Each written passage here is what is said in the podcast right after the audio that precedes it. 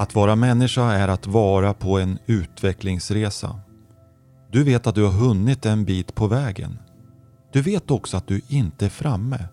För en människas potential är väldig, rent av oändlig.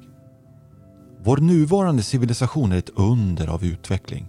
Framstegen är svindlande. Men denna civilisation är inte kronan på verket och historiens slut. För på samma sätt som vi har närmast oändlig potential som enskilda människor så har vi samma väldiga potential som gemensam mänsklighet. Samtidigt lever vi i en svårtolkad tid och du vet att det därför är lätt för oss alla att känna osäkerhet och förvirring. Rent av rädsla, ångest och hopplöshet. Men du vet också att detta är reaktioner som trots att de kan vara svåra att hantera mest skrapar på ytan. För i djupet av din mänskliga natur, i ditt hjärta, vet du att en ljus framtid är möjlig. Varmt välkommen till I fjärilens tid. Den 7 april 2017 dog då 11-åriga Ebba Åkerlund. Hon blev ett av offren för terrordådet på Drottninggatan. Hennes död förändrade i ett ögonblick hela livet för Jeanette Åkerlund. Chocken var enorm. Till viss del hanterar Jeanette fortfarande sviterna av detta trauma som mamma och Ebbas medvandrare i livet. Saknaden är stor. Relativt tidigt efter Ebbas bortgång började något pocka på i Jeanettes inre. Hon kände att hon ville göra något i Ebbas anda. Frågan var vad och hur. Och det var nu som idén om stiftelsen Ebbas änglar föddes och Jeanette började direkt arbeta för att förverkliga sin idé. Redan 2018 uppmärksammade stiftelsen Hillesgårdspriset Jeanettes förhållningssätt till Ebbas bortgång. Hon fick då Hillesgårdspriset för medmänsklighet och förlåtelse. Prisets jury skrev i sin motivering att Jeanette Åkerlund får priset för att hon i en situation där hatets och bitterhetens krafter ständigt kan pocka på utrymmet tagit ställning för förlåtelsens och försoningens ljus. Så hedrar hon sin dotter Ebbas minne och påminner oss alla om att livet blir vackrare om vi låter våra bättre sidor få överhanden. Karl-Erik Edris som är juryns ordförande och jag, Fredrik Lidman, som är styrelseordförande för stiftelsen Hillesgårdspriset, har nu efter några år återträffat Jeanette. Vår utgångspunkt för samtalet med Jeanette denna gång är att utforska det som skapats i Ebbas anda, stiftelsen Ebbas änglar. Var kommer den skapande kraften ifrån? Hur har den påverkat Jeanette och hennes utveckling som människa? Samt hur gestaltas kraften i det fina samskapande som sker inom Ebbas änglar?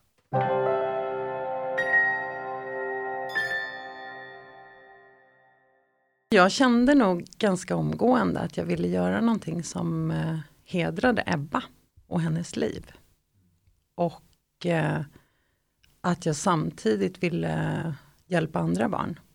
Men i, och i Ebbas anda. Så det var ju där jag började forma Ebbas änglar. Utifrån Ebba och de historier jag hade hört från andra om att det faktiskt finns barn i Sverige som inte har råd att ens ta bussen till fotbollsträningen. Och då kändes det som att någonting som Ebba hade velat göra. Och det kändes som jag ville inte att hennes namn bara skulle förknippas med någonting mm. som handlade om den här fruktansvärda händelsen. Utan att jag ser Ebbas änglar som hennes, att vi är hennes förlängda armar. och eh, att det växer någonting väldigt fint och ljust ut ur det här svartaste svarta. När kom det första till dig, signalen om att du ville göra det här? Kommer du ihåg Nej, Vi det? pratade ju eh, ganska tidigt skede om att göra någonting. Och då, då pratade jag ju även med Ebbas pappa mm. kring det här. Och vi eh, försökte hitta någon, någon, gemensam plattform för att, eh, för att gå vidare med det här. Och sen hade vi lite olika tankar om hur det skulle se ut. Så att det blev inte så till slut utan Ebbas änglar tog sin egen lilla väg och, eh, och Ebbas pappa startade en annan stiftelse. Att du, eh, eller jag en fråga som jag alltid är nyfiken på när sådana här radikala saker händer. Det är är det här något som du skulle kunna ha gjort ändå? Alltså, tänkte du mycket kring de här frågorna om barn och barns behov? Eller hur eh, fanns det liksom som en potentiell möjlighet? Att det var... Jag tycker det är svårt att svara på. Ja. Men eh, det var ju så att Ebba och jag också hjälpte andra. Alltså mm. ni var redan inne på spåret? Vi var ju inne på det och vi ja. hade alltid julklappar under granen till olika organisationer och vi var ja. ute och handlade julklappar och gav bort till de här giving people. people. Ja. Um, och uh, det tyckte Ebba var jätteroligt för hon fick ju välja ålder och uh, vilken, ja, vilket barn som skulle få den här julklappen då till exempel. Och vi har, jag har fortfarande kvar ett fadderbarn i Indien. Så att vi har ju gjort uh, mycket sånt under Ebbas uppväxt och hon tyckte att det var, hon gillade det. Hon var strängt taget lite smådrivande i det eller? Och tyckte... Ja, i alla fall meddrivande. Ah, ah. Ja, var hon. Och, eh, men sen är det ju svårt att, att säga att man hade ägnat sig åt det. Att, eh, att sluta sitt jobb och jobba ideellt är ju ingenting som man står i led för att Alltså jag stod inte i kö för att förlora intäkten. Eh, utan det är ju väldigt lätt att, att uh, stanna kvar där man är. För ja, att man klart. har det bra. Ja. Eh, såklart. Så um, för mig var det nog det att det, det blev en sån otrolig, jag kände en sån skillnad. Det blev inte meningsfullt längre att göra det jag gjorde. Nej. Men det var det, ja. Jag var tvungen att göra något meningsfullt. Och då, mm. då blev det tyvärr så att då var jag tvungen att strunta i de där inkomsterna. Mm. mm. Ja, och ja. försöka hitta andra sätt att kunna driva den här stiftelsen. Mm. Så brutalt var det. Så brutalt var det. Mm. Mm.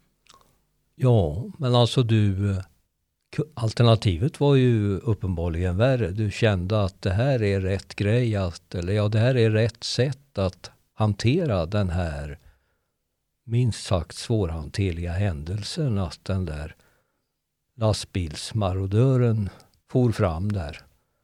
Ja, nej, jag kände bara att jag kunde inte fortsätta. Och i, i och för sig så har jag, tänkte jag ju att om det verkligen bara går åt skogen då, då får jag väl försöka ta ett jobb igen ja.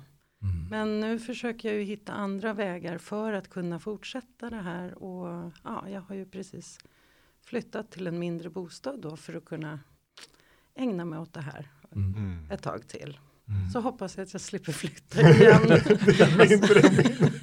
Precis till slut tältar jag på någon ja, men, gräsmatta hemma men, hos vänner. Ja, men, ja man mm. kan ju i alla fall, be, nog kan man väl hoppas på att man får ha tak över huvudet.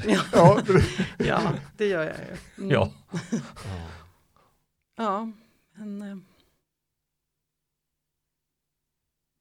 nej, jag vet inte. Ibland känner jag ju att jag är helt tokig som gör det här såklart. Mm. Men samtidigt så är det så fruktansvärt meningsfullt för mig. Det är sån glädje skulle jag kunna uttrycka det som att få följa de här barnen som mm. vi eh, hjälper och mm. att se deras glädje är fantastiskt.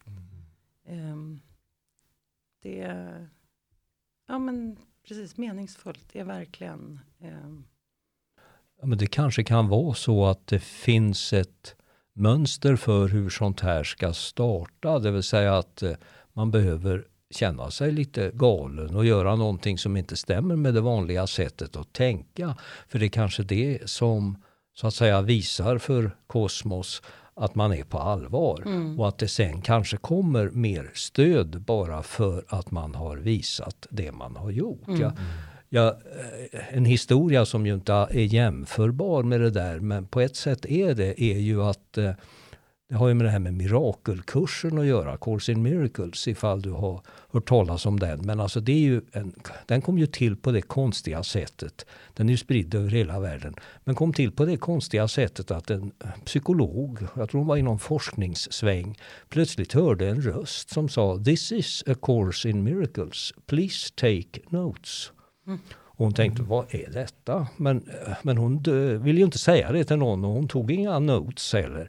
Men efter ett tag frågade hon en kollega, vad tycker du jag ska göra med den här rösten som säger det här ideligen? ja men börja och skriv. Så hon tog notes och det blev en stor tjock bok som då ja, den är översatt till svenska och den har sålts över hela världen och är en väldigt vacker bok om kärlek och hur mm. man ska bli bättre på att vara kärleksfull i livet med mm. olika regler och lektioner och så. Det är en väldigt fin bok. Men när de stod där och hade alla dessa manus så, ju, så, skulle de ju trycka det där och visste inte hur de skulle göra och de gick till olika bolag och det, förlag och det blev konstiga villkor och de ville inte så de kom till den punkten att de tänkte vi måste väl ge ut det själva men de hade ju inte ett nickel. Nej.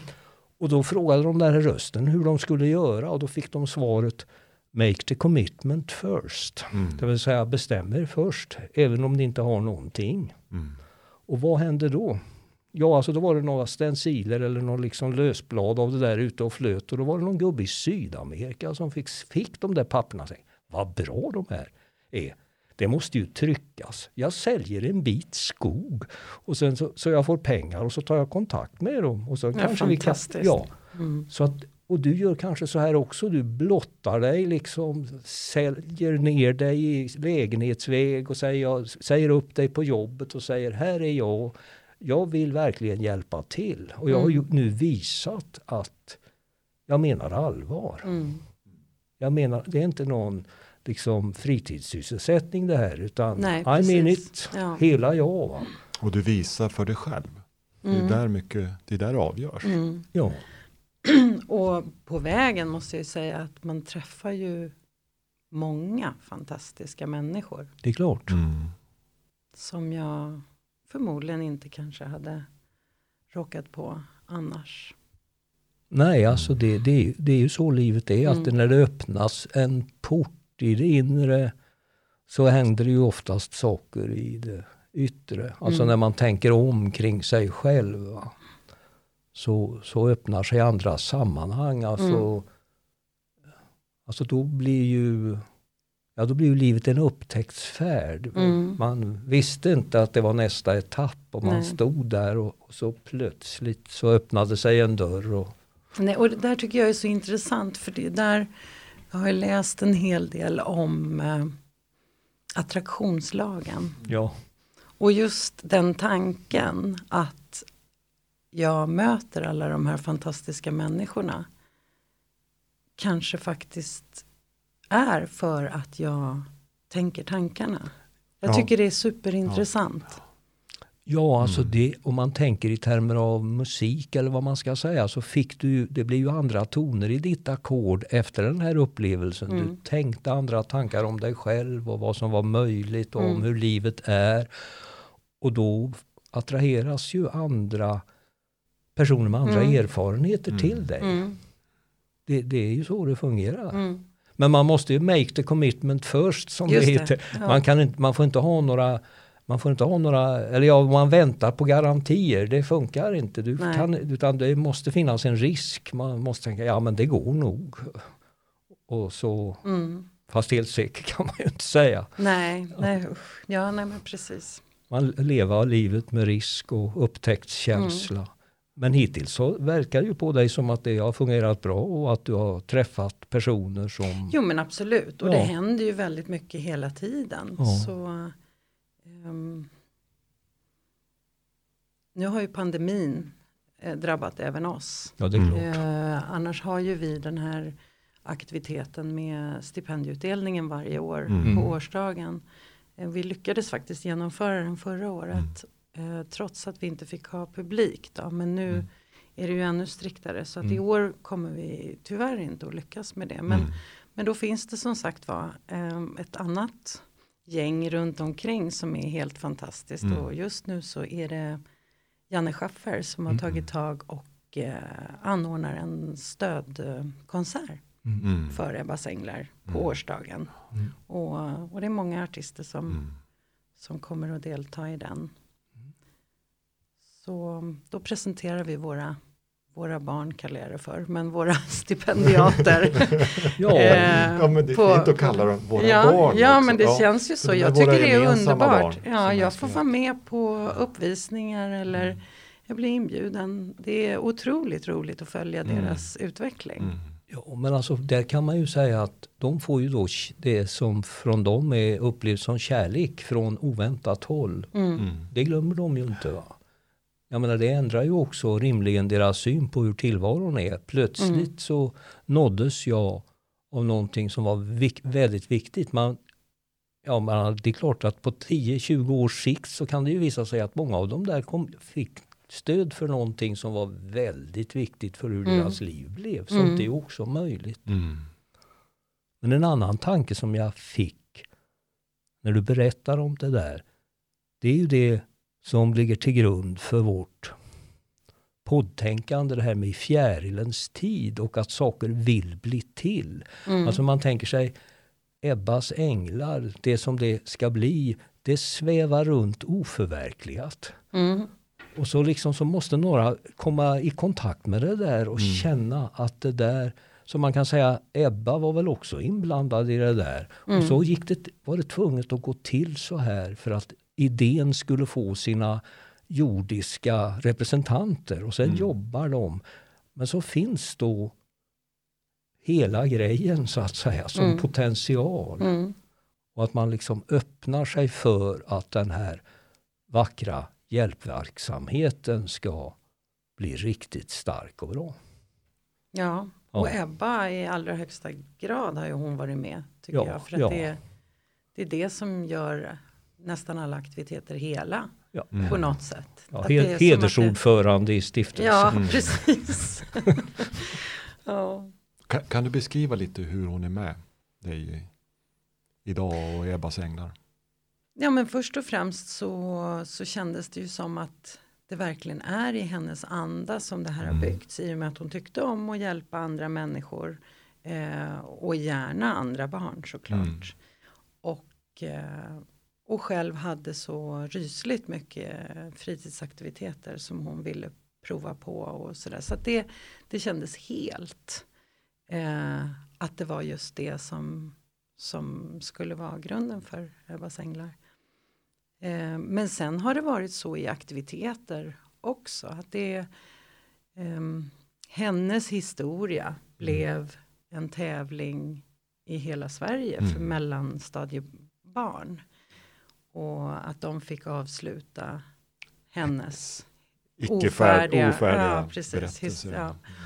Och, så att det har varit, hon har varit med väldigt Mm. mycket i aktiviteter. Någonting som, som det har känts. Jag brukar få rysningar. Det låter kanske Nej, jättekonstigt. nej, men det är därför också jag Men jag frågar. brukar få ja. rysningar när jag känner att det där, det här måste jag göra. Ja. Bara. Det är Nu, det här, led- den här tanken, nu har den landat. Det Det är här en är. ledstjärna för det, för där Ja. är rysningen, ja men då är det nog rätt Ja. Mm.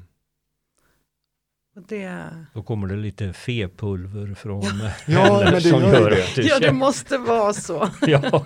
Nej, men också, Ja. du vet ju i tron att ni har en kontakt. Ja, ja men Ja, absolut så På känns något det ju. plan Mm, liksom, som mm. där kom den, ja just det. Då, Ja. ja. Jo, då blir man extra rak i ryggen. Ja, ja. Mm.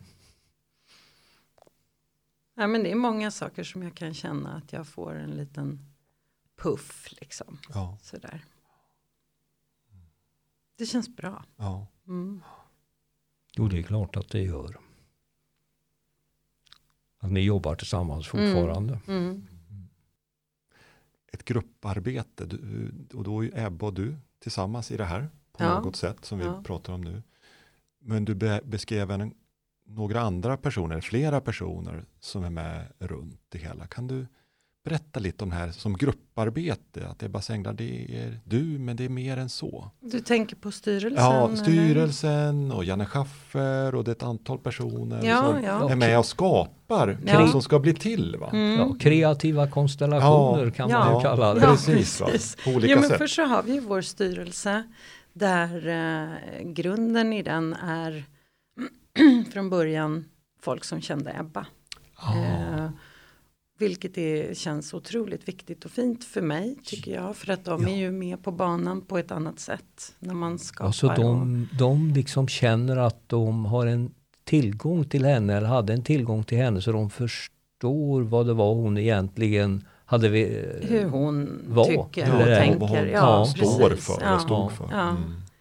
Och sen har, ju, har vi utökat styrelsen med eh, viktiga spelare som har lite annan, och, annan eh, kunskap Mm. än vad vi själva har. Vi har ju en mediastrateg Mm.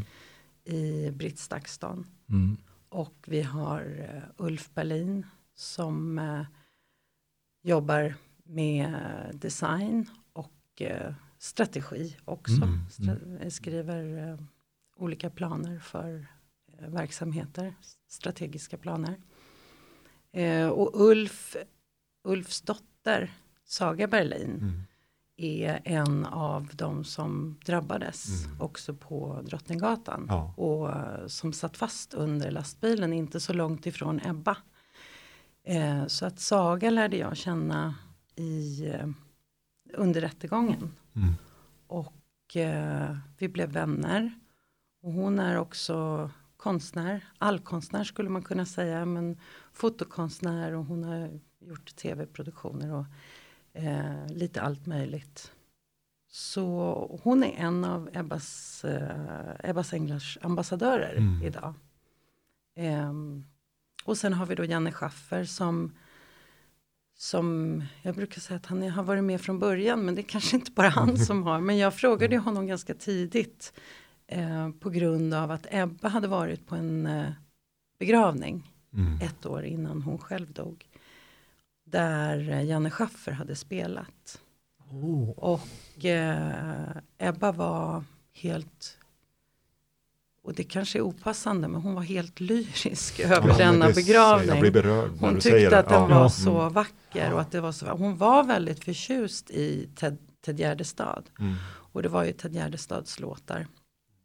Och eh, sen efteråt, eh, när, vi, när själva akten i kyrkan var färdig så var det ju dags för det bekanta eh, kyrkkaffet. Ja. Men det var inget kyrkkaffe utan vi alla skulle vandra ner till sjöpaviljongen nere i eh, Alvik. Där vi intog en eh, middag. Mm. Och det var en otroligt varm och fin middag med massor med tal. Och vi trodde vi skulle vara hemma klockan fem Mm.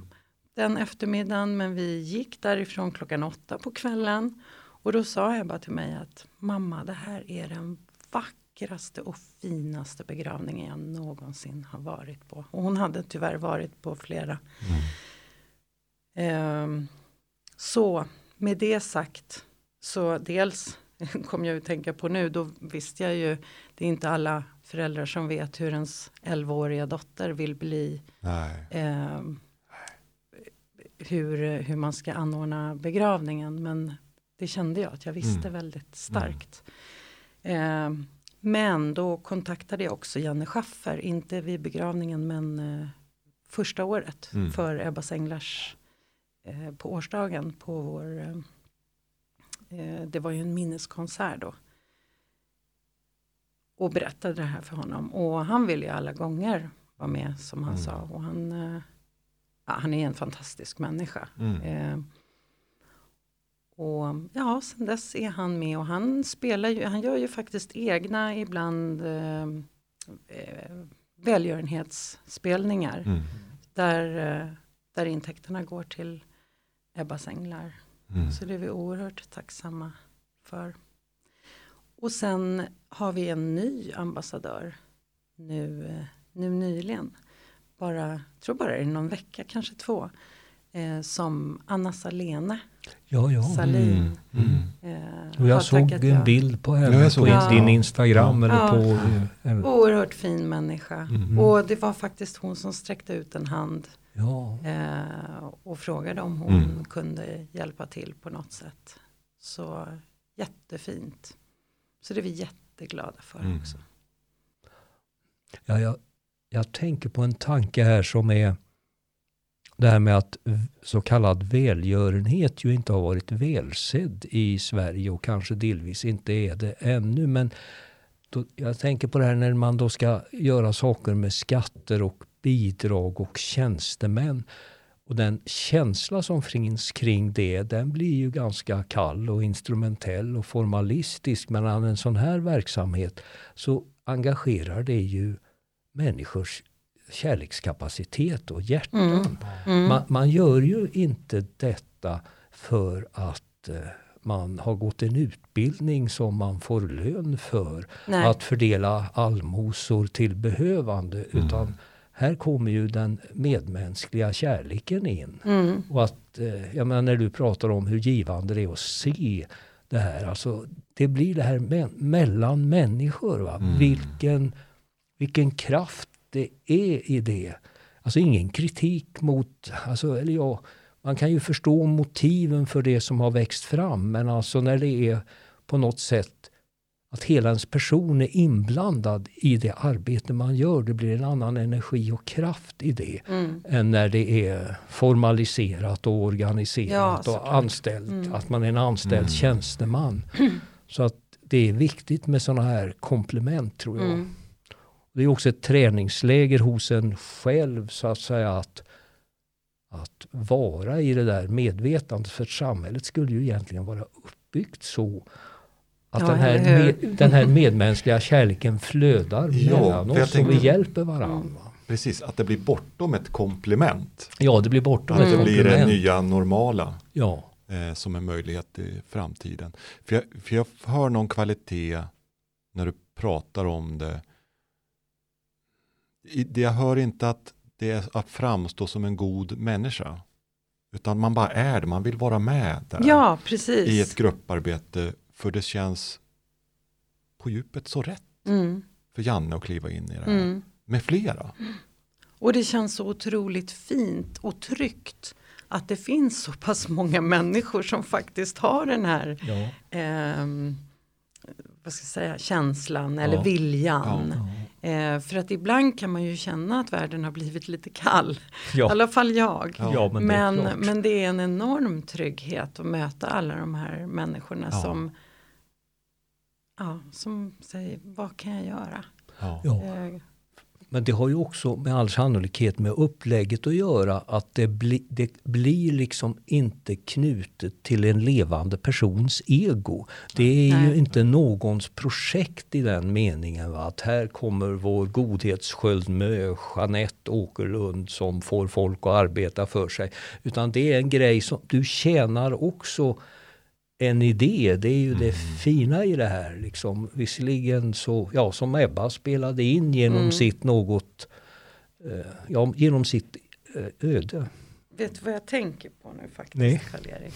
För jag nämnde lite här för Fredrik, vet du vad jag är inne på? Eh, att det är just det här som jag tycker är lite marigt. Mm. För att jag vill ju inte vara den som står på barrikaderna och skriker ut. Nej. Nej. Eh, och, ja, men det är inte jag som ska stå där. Eh, och samtidigt så är jag ju fullständigt medveten om att för att nå ut både till folk, till barn som, som behöver vårt stöd, Mm. eh, att få in fler ansökningar och att, att få folk som, som stödjer oss. Så behöver vi ju nå ut och då Ja, ja. måste ju någon vara frontfiguren. Men Ja. jag, jag gillar verkligen inte att ha den rollen. Så att det blir en konflikt för mig. Mm. Och eh, som jag hoppas att jag kommer, jag, jag hoppas att jag kommer att kunna växa in i den rollen mer. För att just nu så blir jag nästintill livrädd så fort jag ska delta i någonting. Nej men alltså, ja men du, du skrattar ju, det är för att det Ja, är på nej men det är ju det är. jättekonstigt och Ja. jätte, men eh, så är det. Ja, men, men det är väl ändå för att du inte vill ha det som ett egoprojekt. Nej, jag tror Nej. det är det. på Ja, något det är, annat nej. Sätt. Va? Och då får du hitta ett sätt att göra det så att du känner att det är grejen som står i Ja. centrum. Inte jag som är den Nej. här osannolikt goda och kloka människan. Nej, som, exakt. Nej, som, Det skulle vara så svårt om folk började tro det. ja, man, Precis. Så måste man fejka det resten av Precis. livet Det liksom. blir Plus så man har tufft. sina, ja det blir så ja, tufft de, va. har, de har ett altare med Dalai Lama och ett med Ja. dig. Ja, liksom. precis. Just det. Nej. Nej men alltså jag, jag tycker, det här med min, min respons på det där som jag tänker, det är att jag tycker det är så sund respons du har. Så Mm. men det är inte ett sätt att, tycker jag, att nej men jag, vem är jag att göra det här? Jag tror att det, det kan vara komma från någon djupare sund respons som Karl-Erik är inne på. Det är inte mitt projekt. Nej. Och bara det du beskriver kring det grupparbete med de personer du har pratat om här, kvaliteten i det, det visar att det är inte ditt projekt. Du är förvaltare Mm. utav ett projekt. Mm. Eh, Och det, det, det innebär att du ibland som nu, du behöver kliva fram, men det är inte huvudsaken. Och du vill inte ens göra det, det tror jag. Det här är jag försöker stödja Mm. dig i den här Mm. strategin. Mm. Därför då blir det något annat. Mm. Då blir det mamman till Ebba Ja, och hennes precis. stiftelse. Ja. Precis du, bara så. när jag säger det Ja. låter det, nej. Ja. Nej, visst låter det fel. Ja, ja. Men det är naturligt för dig att ingå i det. Ja, Ja, men det men det är beror, helt rätt. ja, och det beror ju på, det blev ju, alltså första fästpunkten är ju genom dig, men Mm. alltså det är mer att värna, värna den här processen, att det går att göra någonting bra av detta. Mm. Om inte någon tar den som egogrej, för att Mm. då, väx, då får man ju inte samma medarbetare heller. Nej, Utan då blir det ju någonting annat. Då kommer ju nyttotänkandet in Mm. och fördelar och positioner och nu är det min tur. Och ja, du vet, Hur många visningar får jag här om jag är med Ja. på den här konserten? Hur, ja, Ja. Det säger man inte, men Just det, är- det. ja. Här borde jag nog synas lite nu. ja just det. Jo. Så att det är, men alltså energin i projektet blir ju annorlunda om Mm. det är i, viss, i ganska stor utsträckning bortom egot. För då Mm. går det ju fram en renare kärlek och energi i det som man når ut till andra med. Just. Ja. Mm. Man känner att man är inte, jag fick hjälp av några som ville skryta med sin godhet. Mm. Det, alltså det blir en liten fläck på det. Lite, ja. ja. Så det, ja men det, Nej, men det, och, och det kommer så mycket ringa på vattnet av någonting som, som släpps. Liksom. Och, eh, nu kände jag att jag nästan måste få puffa lite för ett annat projekt som jag tycker är så oerhört vackert. Även fast jag vet väldigt lite om det än så länge. Och det är ju em, en grupp artister. Och eh, jag har hört att eh, 1,6-2,6 miljoners klubben är inblandade i det här. Det är artister som Janne Schaffer, Mm. eh, Lill Himfors, ehm, Shirley Clamp. Och sen så har de med sig en skola, vilket ligger mig nära Mm. eh, om hjärtat, då, eh, som heter Livat Artistskola. Som eh, satsar på barns kreativitet. Och eh, just nu håller de på och sätter ihop en eh, sång. Sången, jag vet inte vad den ska heta ännu, men den ska handla om, om jag inte har missförstått det, om musikens betydelse Mm. och musikens kraft. Mm. Och den ska tillägnas Ebbas änglar. Wow. Och förhoppningsvis då har den release på årsdagen. Mm. Det är så otroligt ja, så underbart. Ja, som kan, Eh, som kan hända när man har den inställningen du har och många runt dig. ja, Då är det där möjligt. Mm, Jo, men alltså, jag tänkte på det också att din roll i det här är ju också då att vara en slags eh, Ja, så att projekten ska nå den där rysningen. Alltså att du är en Mm. slags, eh, det låter ju förfärligt det här med kvalitetssäkrare. ja. Men alltså att ha en säker känsla för vad som är rätt grej att göra. Så Ja. det inte smyger in andra saker så, det. som sänker kraften i det. Mm. Eller det drar åt, eh, ja, drar åt fel håll på Mm. något subtilt sätt. Det är förmodligen din centrala roll. Mm. Att ha säker känsla Ja. för, är det här, Just det, passar det här oss? ja, Ja. är det här grejen? Mm. va? Att känna av det. Mm. Och det är ju enormt viktigt för att annars det finns ju så mycket strategiskt tänkande och grejer va, som man kan mangla ut. Man kommer Mm. in som expert på det där. Va. Mm. Och det tillämpar man överallt och det kan förstöra eller göra impulser krokiga. Ja. Mm. På ytan kan de vara än mer framgångsrika men de blir krokiga. Ja. Så de förlorar sin kraft. Va? Mm. Alltså för det gäller, att ha, det gäller att ha den där uppkopplingen till kraften så att Ebba applåderar. Just det. Ja, och då känns det en rysning Ja, som du vet exakt. vilken det är. Ja. Ja. Mm. Ja, jag skulle ibland önska att jag var lite mer strategisk men eh, man kan inte få allt. Nej, men du kanske låter dig, eh, om du har hjälp av, eh, av strategiska tänkare så får de lägga fram Ja. sina Ja, uppfattningar precis, och så känner du vilka som blandning. är bäst. Mm. Absolut, Mm. men jag uppfattar att du har ett starkt omdöme. Ja, tack. Mm. För det, det är det som spelar roll. Och, eh, och du skapar dessutom ett utrymme för andra att vara kreativa utifrån nästan som en helig plats. Jag bara känner det är, det är någonting heligt som pågår i positiv mening. Mm.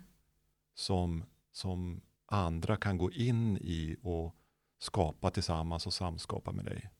Och det och då kan man kalla det strategiskt. Fast det är inte det. Ja, då nej, förstör det. man Mm. det speciella utrymme du och ni har kunnat skapat hittills. Ja. Och då är det snarare de här som vi pratar om att bevaka det också. Att det ska fortsätta att Och fler som kan komma in i det men ändå att det har den kvaliteten. Mm. Ja, och det är klart de som hjälper dig kan ju också, de upptäcker ju också förmodligen genom det sidor av sig själva som de inte var lika säkra på var Mm. så dominerande eller att det skulle vara så trevligt att arbeta med den sidan av mig Mm. själv som man kanske då har haft på sparlåga i ett antal decennier och så känna, oh, det här tyckte jag ju om. Mm. Mm. Det, för det är ju rätt, alltså om man ser på livet så är det ju rätt viktigt att hamna på rätt ställe. Alltså Det är där, ja, där man känner att det är här jag ska vara. Ja. Ja. Alltså då blir ju livet eh, med ens djupt meningsfullt även om man inte kan förklara i detalj Nej, man men har för grund för det. Ja. Men känna liksom att eh, om man ska säga det så kan man säga att man kan dö nöjd när man har varit Mhm. på ett sånt ställe ett tag. För Gör man det, någonsin det? ja, jag tror att det är möjligt att Ja. känna att eh, även om Today det, is a good day to die. Ja, men alltså eh, vad ska man säga? Jag tänker mera sådär att men man behöver ju inte vara imponerad av hur eh, slutresultatet, men man kan känna att hur man hanterade alla sina dumheter och hur man tog sig vidare, då kan man kanske ha liksom en syn på sig själv när man säger att ja, bra kämpat, du Ja. lärde dig Ja. en hel Mm. del och ja, men det var ju rätt fint det här livet. Precis. Okej. Jag vågade i alla fall. Ja. Ja, Ja, alltså det är klart. Och tog sig en halvt helskinnad igenom det. ja precis. Och det är redan klart för dig att du har vågat ta det Mm. här steget. Mm. Mm. Och fortsätter att våga Mm. det. För någon som har varit trygghetsnarkoman i hela mitt liv Ja, men, så är det ju ett, ett annorlunda steg. ja. Jo, men det verkar ju som att du ändå känner att eh, det har sina... Fördelar. Ja. ja jo, Ja. definitivt. För det är klart att ska man vara trygghetsnarkoman så blir det ju lite, det kan ju bli lite krampartat. Liv, Ja, det kan ju det. ja. och livet har ju dessutom samtidigt en tendens att påminna om det som är utanför ens komfortzon. Mm. Det, så, ja. Och, nej, men jag, jag, innan vi började den här inspelningen så hämtade jag dig där vid, din nya läge, vid, vid din nya lägenhet och så här. Och jag kände, jag höll på att köra fel där, men du Mm. hjälpte mig och guidade. Och jag kände att det fanns den här delen utav din personlighet som har koll på läget. Ja, Ja, och ja, jag har, ju jag har ju det också, den delen av min personlighet. Men jag tänker, det du upptäcker nu genom det brutala som händer i ditt liv och sen vad du har gjort utav det, så tänker jag att du är inne på en resa som, där du upptäcker nya sidor hos dig själv. Ehm, du tänker inte på det som jag saknar? Nej, Som jag utan har... upptäcka saker kring Jeanette. Ja, vad skulle det vara? Ja, Ja, nej men det är precis. Har du upptäckt några saker nu när du ser dig själv idag jämfört med för fem tio år sedan?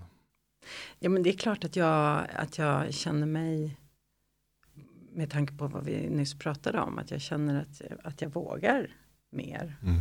Eh, det kan ju ha med åldern att göra också. Mm. Jag tror att man, eh, ju äldre man blir så, så tänker man att hur farligt kan det vara egentligen? Mm. Det, eh, men jag vet inte om jag tycker det är svårt att tänka om jag ser några helt nya sidor hos Mm. mig.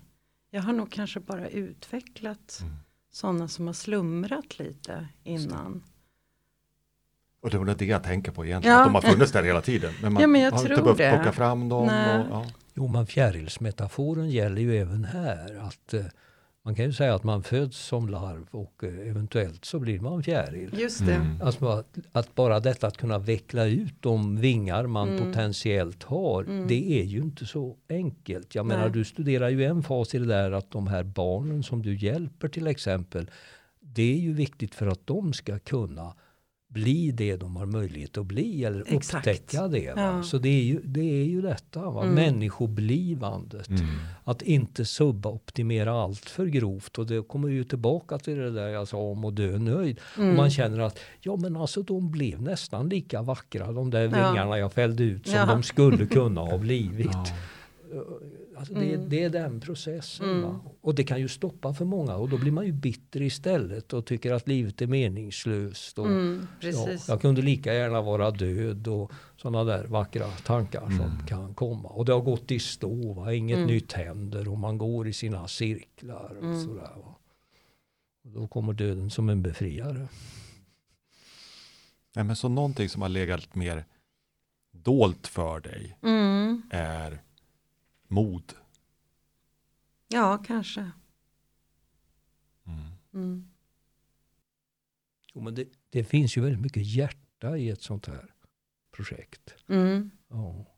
Och det är klart att då är man ju ömtålig. Det finns ju en ömtålighet i den energin. Såklart. Så att vara både, både stark och ha hjärta. Mm. Mm. Så att den där energin når andra. Så att deras hopp om sig själva och om världen stiger. Mm. Det, Tycker du det är jobbigt när vi pratar om dig nu? Lite. Ja. Det, blev, det blev lite obekvämt. Det blir lite obekvämt. Som är väl också en del av det som du också får så positiv återkoppling från oss kring Mm. nu. Att det, det inte, handlar inte om dig och samtidigt så är det du som behöver använda dig själv här Mm. och upptäcka vissa sidor hos dig själv som du nu tar fram. Just. Eh, Och samtidigt som du har en stark, starkt hjärta redan från början och känsla för dina medmänniskor. Det det, är det som gör dig också så perfekt för det här jobbet. Det har funnits där hela tiden. Och jag, jag uppfattar också en oförställdhet hos Mm. dig.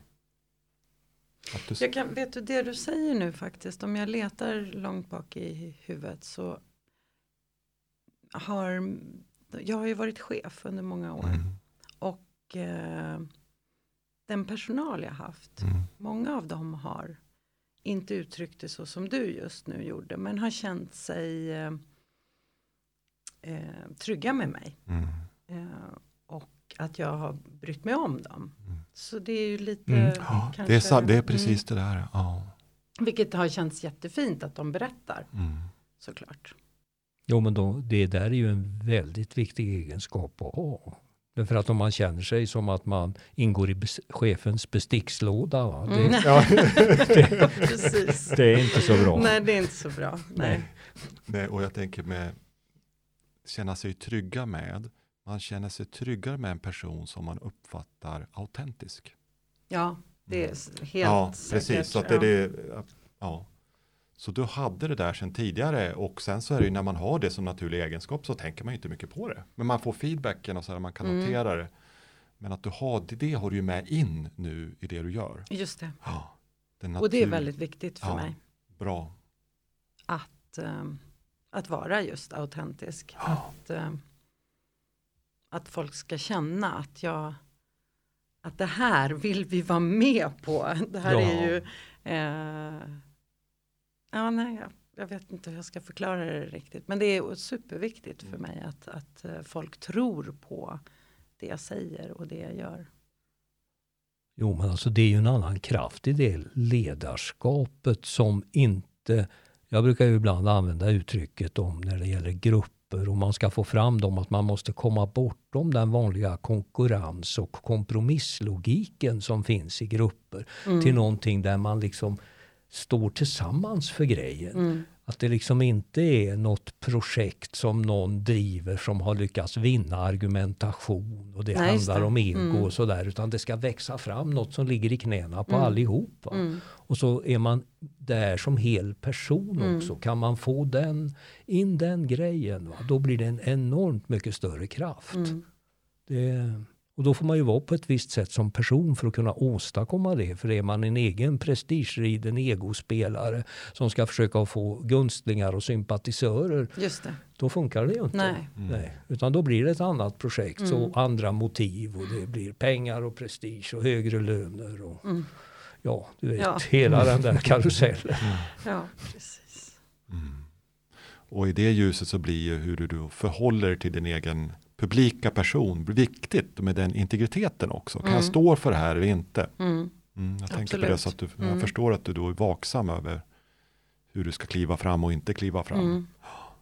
Så att kunna få behålla det som du upplever som autentiskt sprunget ur dig själv. Mm.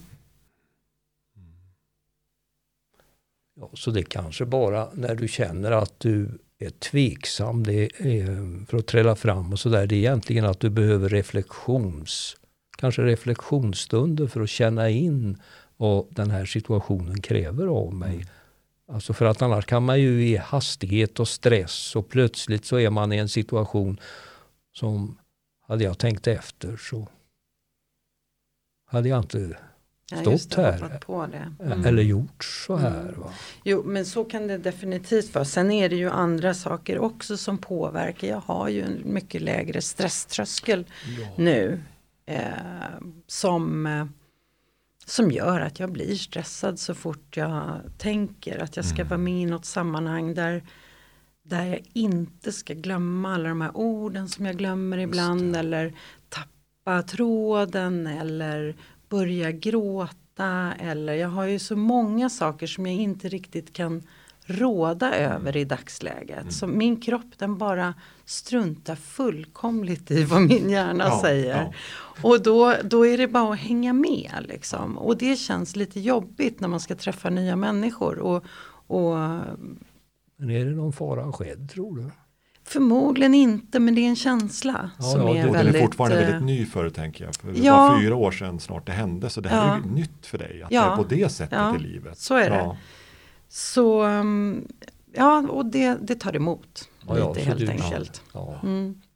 Också. Men du kanske helt enkelt ska strunta i och bedöma dig ur det där stränga perspektivet hur du borde vara som Det låter klokt. säger. Precis, den här eh, medmänskligheten, att rikta den mer mot dig själv. Visst låter Just det klokt va? Ja, Sen är det ju just att göra det som är, Precis. Ja, nej, men jag jobbar på det. ja, Jo. nej, men det är en omställning. Mm. Det här Ja, är ju en är superstor omställning Ja. också kring det där. Att du har inte samma reportage, alltså det är annorlunda för dig idag Mm.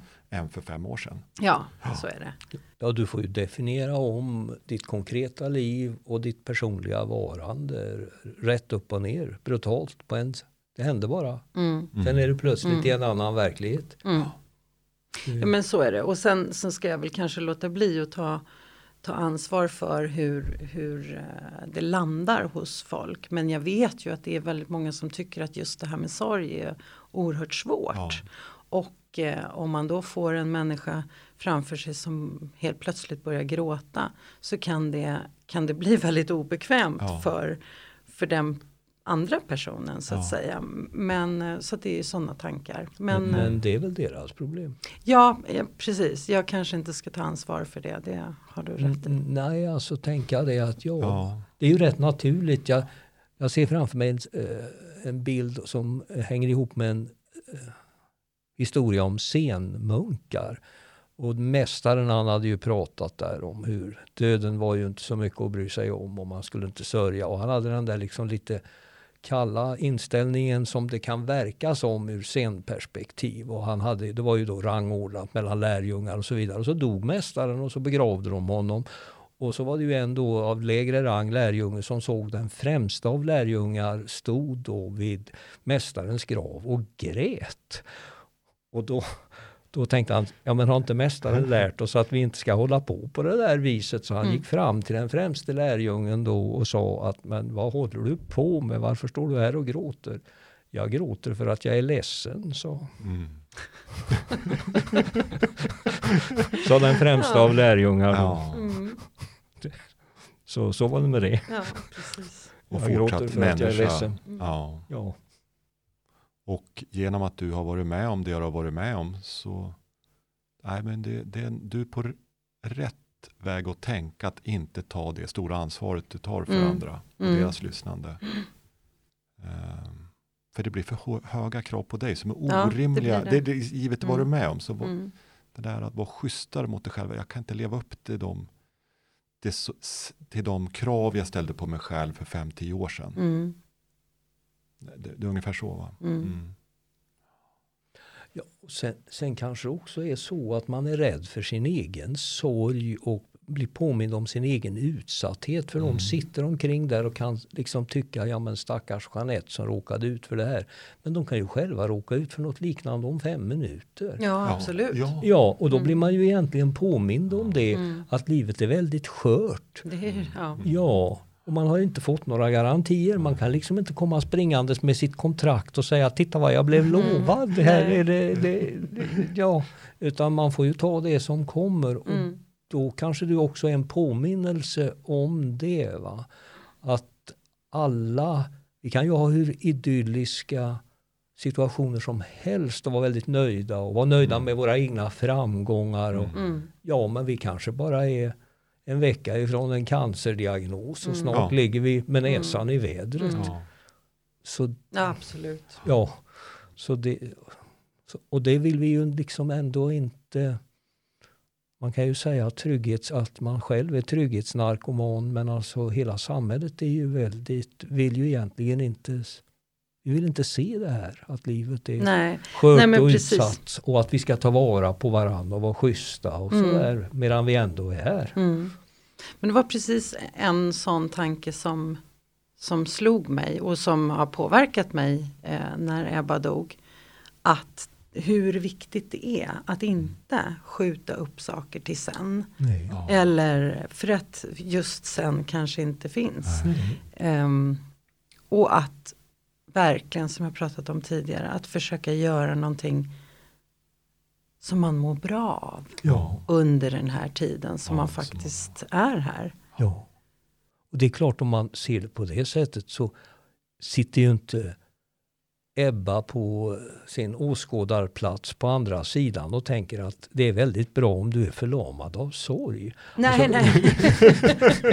nej, Nej. det tror inte jag heller. Nej. Nej, utan Nej. jag tänker, Och ja inte men ryck upp dig nu morsan, Ja, gör ja. det här nu. Ja. Det Ja, blev ja. så här men det är inte hela världen så jag har det bra där jag är. Och Ja. så kör du det här eh, tills det är dags för dig och Mm. kliva över på andra sidan. Ja, exakt. Ja, Mm. alltså för det, det känns som att ja, man hedrar ju på ett sätt genom att sörja, men det är ju mera, det är väl mera, blir väl mera saknad så småningom. Eller att det är svårt att freda sig för tanken hur det skulle ha varit om en person som är borta och som betyder mycket för en var Mm. med nu. Mm. Och det är väl fantasier som man får ägna sig åt. Men livet är ju Jo men som så det är det ju. Ja. Eh, det är klart att jag aldrig kommer att sluta att tänka på hur hon hade varit eller Mm. hur hon hade sett ut. Så att det kommer ju att följa med Mm. resten av livet. Men jag är fullständigt medveten om att hon absolut inte vill att det ska förta någon styrka som jag kan eller någon energi Nej. som jag Nej. kan lägga på något Nej. annat. Ja. Men den här, det är klart att det kommer att följa med mig. Ja, vi, Ja. tyckte, vi tyckte ju bra om varandra. Ja, och det, precis. Det, Ja. det, det är ju, Vi gjorde det är ju ju det. så. Det är ju så. Eh, Ebbas änglar, hur kom det namnet till dig, er? Ja, eh, knappt att jag minns det faktiskt. Jag tänkte så många olika varianter där i början.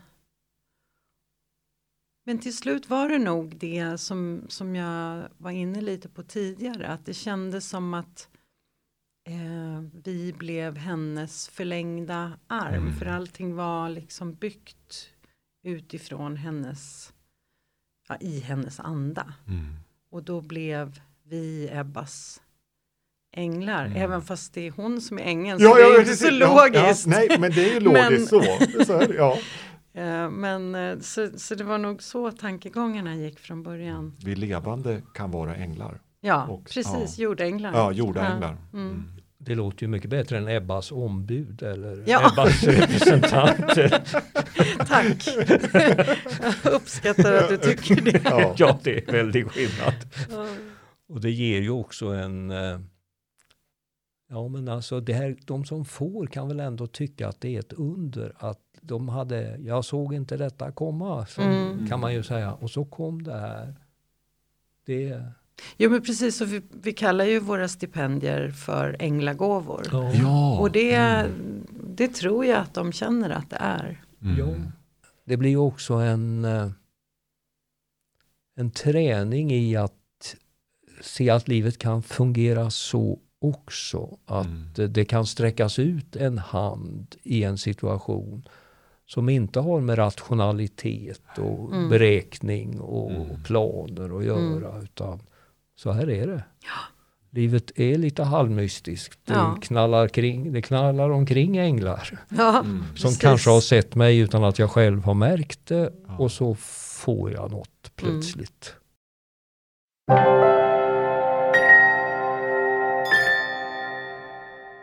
Vill du veta mer om Ebbas änglar så besök gärna ebbasänglar.se. Vi tänker fortsätta att bjuda in fjärilsarbetare och vi gör det för att vi vill undersöka och inspireras av deras praktik och för att stärka det framväxande nätverket av fjärilsarbetare. Men vi gör det också för att vi hoppas kunna ge näring och stimulans till våra gäster i deras fortsatta fjärilsarbete. Det är nämligen en krävande sysselsättning att få frön från framtiden att slå rot och blomma ut i nuet.